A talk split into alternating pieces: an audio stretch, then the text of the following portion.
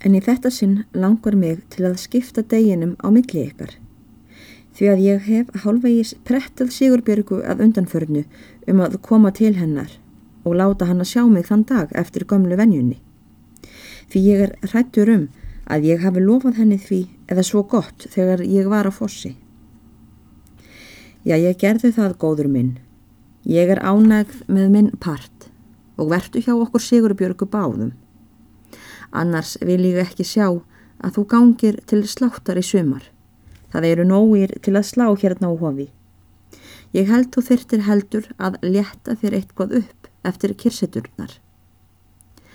Aðalsteini þótti vænt um að heyra prestkonuna samhuga sér í þessu. Mér hefur nú einmitt komið til hugar, mælti hann, að byggja ykkur að lofa mér ef til vill í langa ferð í sumar. En það liggur ekki á fyrir en setnipartin.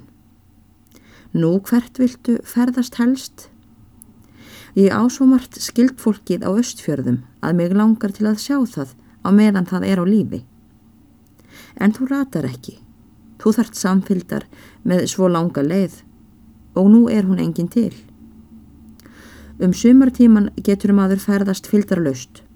Ég er líka orðin svo kunnugur leiðinni af samtali við skólapilta þar austanað að ég tristi mér vel til að rata.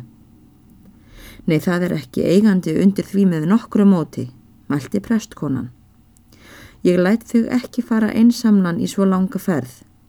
Það tekur ekki tali en hittir það maður getur farið að spyrja sig fyrir um hvað ferðum líður hér í sveitinni.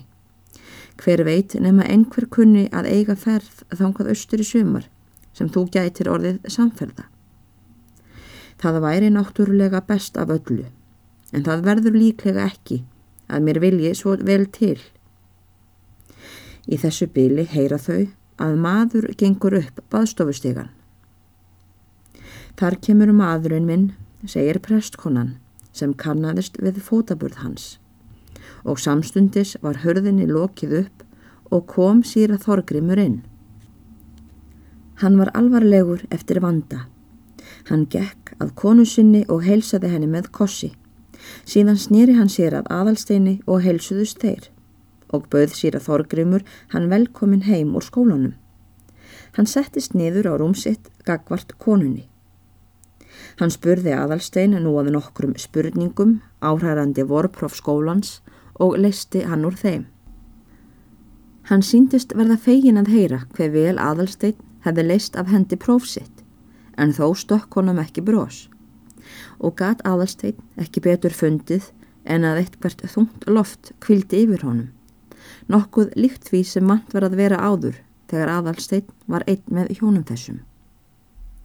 Segir þú nú ekkert í frettum úr þinni ferð, góðurinn minn, segir prestkonan til mannsins og svo hlýlega að aðalstein þóttist varðla að hafa hirt hann að tala hjá þægilega til hans áður. Þegar prestkonan hafði talað, leit síra Þorgrímur þegar til hennar og var sem honum breyði við þann róm er hún talaði í. Hann horfi á hanna.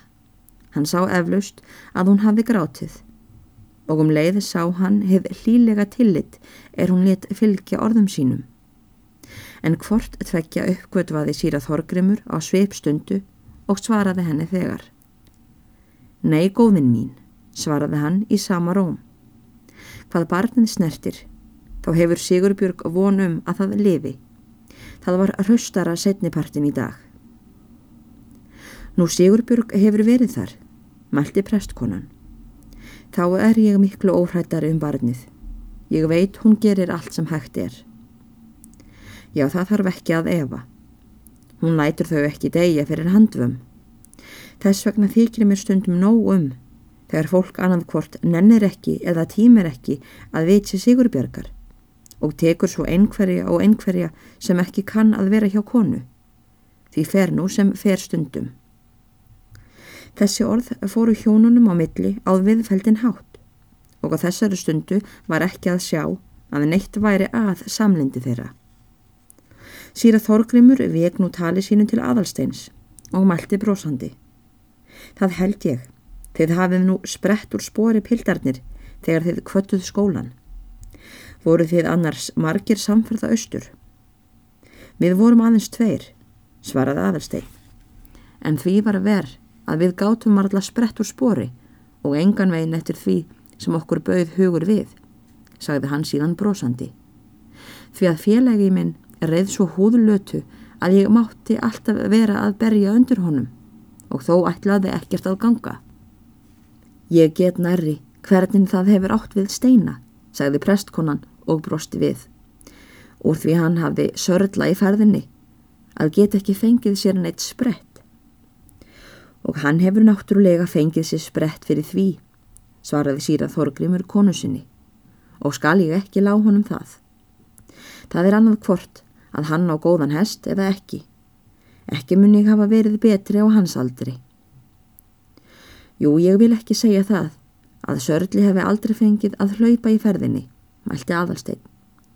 En það var óttaleg skeppna þessi jarp skjóta dróg sem skólabróður minn er reið. Þegar sleið var í hana gerði hún sjaldan annað en dingla taglinu. Svo, mælti síra Þorgrymur.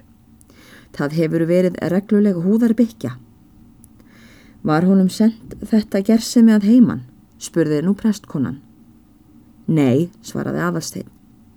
Svoliði svar að honum var skrifað að heiman að kaupa sér ódýrt hross til heimferðarinnar í þetta sinn og andverðið var honum sendt. Síðar komst hann í tæri við að flóamann sem aldrei skildi verið hafa og að flóamanninum kefti hann þetta happakaup fáum dögum áður en hann fór. Mikil vandræði, sagði síra Þorgrimur. Hann hefur verið prettaður auðmingapilturinn átti þetta dýr að heita góðgengt. Svo sagði flóamadurinn, en ég get ekki sagt að ég fengi nokkur tíma að sjá hvort ljómakolla var í góðgeng. Það besta sem hún gerði var að valhoppa stöku sinnum. Ljómakolla, segir síra Þorgrimur brósandi. Já, svo nefndi flóamadurinn hanna, svaraði aðalsteg. Og brostu þau nú öll að þessu nafni sem þeim eflust þótti óþaraflega ljómandi handa slíkum gallar grip sem þessi ljómakollar reyndist. Þetta grei hefur líklega verið komin yfir tvítugt og nýtt alla sína æfi, mælti prestkonan. Hvernig á það svo að geta verið viljúgt?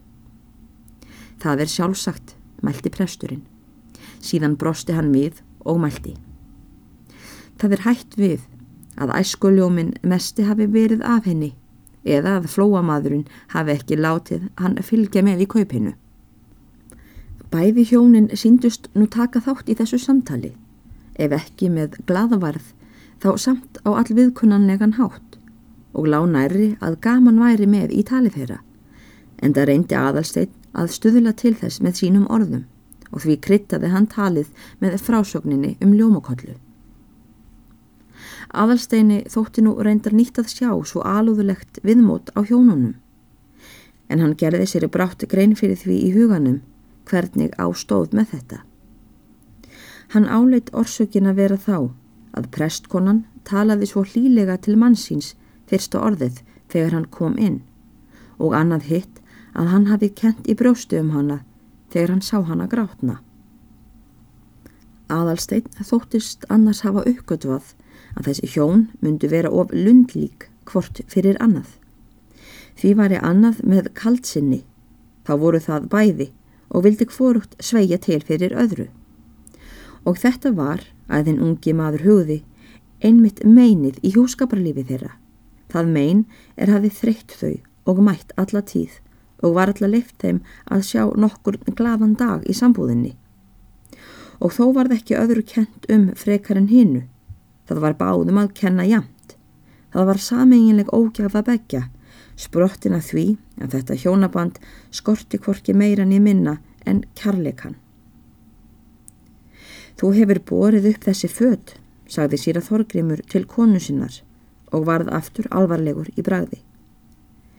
Það væri rétt fyrir þig að gefa þau einhverjum sem með þarf. Ég get ekki séð þau hér heima.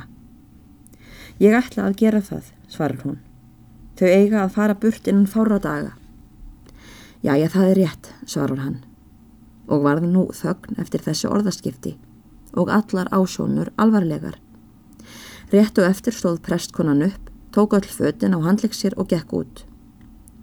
Í sama byli kom allt vinnufólkið upp á loftið fyrir framann og gekk aðarsteit framfyrir til að heilsa því.